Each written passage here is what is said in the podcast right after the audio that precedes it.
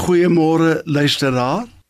Ek wil in die volgende paar oggende met ons praat oor die plekke waar 'n kind van God soms op die groot pad van die lewe kom.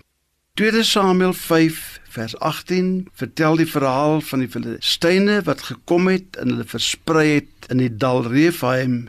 2 Samuel 5 vers 19 sê en toe het Dawid die Here geraadpleeg en gesê: sal ek optrek teen die Filistyne en sal hulle in my hand gee en daarom het hulle die plek Baal-Perazim genoem. Rephaim beteken plek van reëse en Baal-Perazim beteken deurbraak. Elke Bybelnaam het 'n baie interessante betekenis. Psalm 84 praat van 'n interessante plek waar mens soms kom, naamlik die droë laagte. Dit kan wissel van moeilike tye van werklike droogte soos ondervind deur die Kaap-provinsie heidaglik waar die reën wegbly en die damme dreig om op te droog. Dit kan 'n langdurige droogte vir 'n plaasboer beteken. Dit kan ook finansiële droogte vir sakemanne wees of selfs 'n droogte tydperk vir 'n gemeente. Die droë laagte is nie 'n lekker plek nie.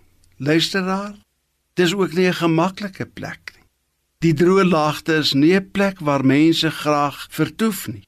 Maar die droë laagte is ook die plek waar God dikwels radikaal ingryp.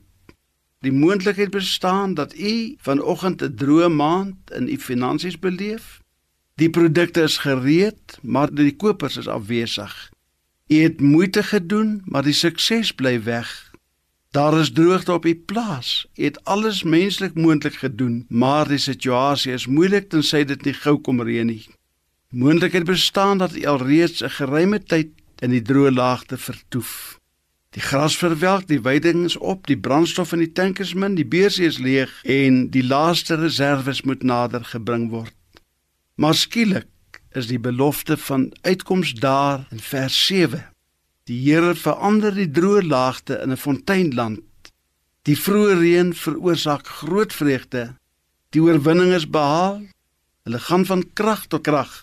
Al ken ons nie die inhoud van die toekoms nie, ons is bevoorreg dat ons die eienaar van die toekoms mag ken wat die droë laagte in 'n fonteinland omskep. Kom ons bid saam. Hemelse Vader, dankie dat U vandag ons droë laagtes in fonteinlande omskep. Amen.